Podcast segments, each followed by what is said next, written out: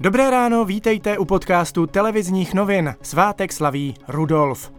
Během dne bude polojasná přechodně až oblačná obloha. Ojediněle očekáváme i přehánky, a to zejména v jihozápadní části republiky. Nejvyšší denní teploty vystoupají k 18 až 22 stupňům Celzia. V tisíci metrech na horách se bude teplota pohybovat kolem 14 stupňů.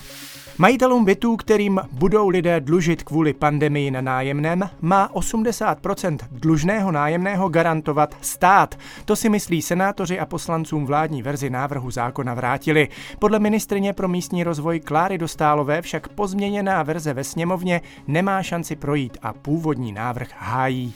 Od pondělí začnou úředníci na radnicích v Česku znovu fungovat v běžných úředních hodinách. Budou ale muset dodržovat přísná hygienická opatření. Každý, kdo na úřad přijde, absolvuje nejprve měření teploty. Následovat bude dezinfekce rukou. Svůj úkol popisuje také koordinátor Martin Libruška.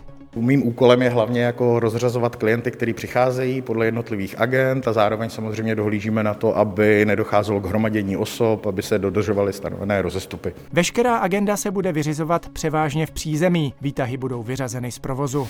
Stavba jeho české dálnice D3 okolo Českých Budějovic nabírá spoždění. Termín dokončení se posunul o rok. Problémem je podle stavbařů budoucí tunel Pohůrka. Stavbu komplikují složité geologické podmínky.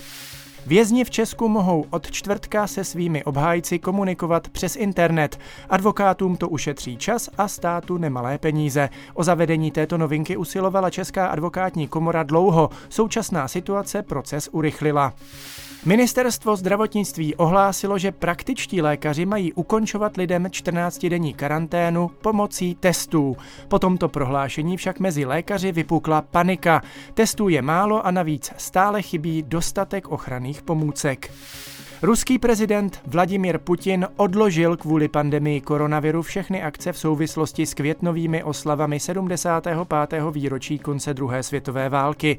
Zúčastnit se jich měl i český prezident Miloš Zeman. Slovenský podnikatel Marian Kočner, který je obviněn z objednávky vraždy Jána Kuciaka a jeho snoubenky Martiny Kušnírové, před soudem opět odmítl, že by chtěl novináře nechat odstranit kvůli jeho článkům. Ostře sledovaný soudní proces bude pokračovat na konci dubna. Kočnerovi hrozí doživotí. Fotbal se v Česku pomalu zase dostává do pohybu. Od pondělí budou povoleny tréninky ve skupinkách, ale řeší se samozřejmě, kdyby liga mohla znovu začít.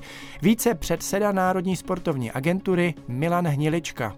V rámci diskuzí s předsedou Ligové fotbalové asociace Dušanem Svobodou jednáme i o variantách, že by fotbalová liga začala po vzoru jiných evropských soutěží dříve než 8. června a bez diváků. V lize zbývá dohrát šest kol základní části, nadstavbu a baráž. Vše se musí stihnout do 2. srpna.